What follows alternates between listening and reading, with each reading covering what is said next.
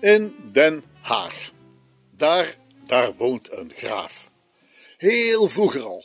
Het staat gewoon al in de naam. Schravenhage. En volledig des Gravenhage. Oftewel in de taal van tegenwoordig de Haag, of wij zouden zeggen de heg van de graaf. Maar dan praten we wel op de manier van de middeleeuwen. En die Haag, die is veranderd. Het woord Haga komt uit de vroege middeleeuwen en het betekende toen zoiets als omhaard. Een haga was dus, zeg maar, een omheind gebied met een ondoordringbare haag eromheen. En het was geen tuin, maar een afgesloten wildpark. Dat was vroeger wel nodig, omdat de graaf daar lekker wilde jagen en zijn onderdanen ook. Ja, die us als beginletters van us Gravenhagen kwam in Nederland wel vaker voor. We vinden die ook nog bij een stuk land in Schravenland, een moeras in Schravenmoer, een hele polder in Schravenpolder en zandgrond in Schravenzande. Van hoger geplaatste edelieden is er maar één met dezelfde soortnaam, Hertogenbosch. De prinsen stonden nog een trapje hoger en daar vinden we bij Breda Prinsenhagen. Kijk, met die Haagse hagen. En tenslotte vinden we in Gelderland ook nog Prinsenkamp. En zo'n kamp was met een sloot of een andere manier afgescheiden stuk land. En de koning, die was in de Nederlanden de allerhoogste. En het is grappig om te zien dat de meeste plaatsnamen met koning erin het woord koning niet gebruiken, maar wel de naam van de koning of de koningin. Denk maar aan Willemstad en Wilhelmina Oort.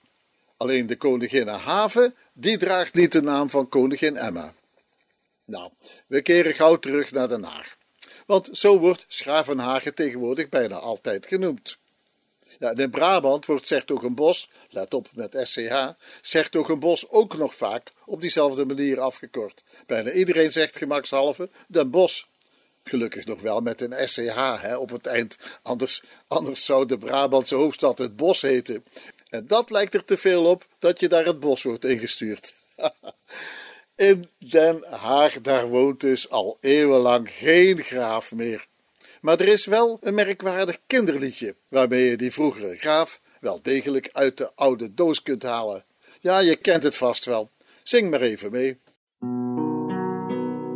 In Den Haag, daar woont een graaf en zijn zoon heet Jantje.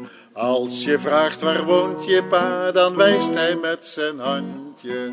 Met zijn vingertje en zijn duim, op zijn hoed heeft hij een pluim. Aan zijn arm een mandje, dag mijn lieve Jantje, dag mijn lieve Jantje.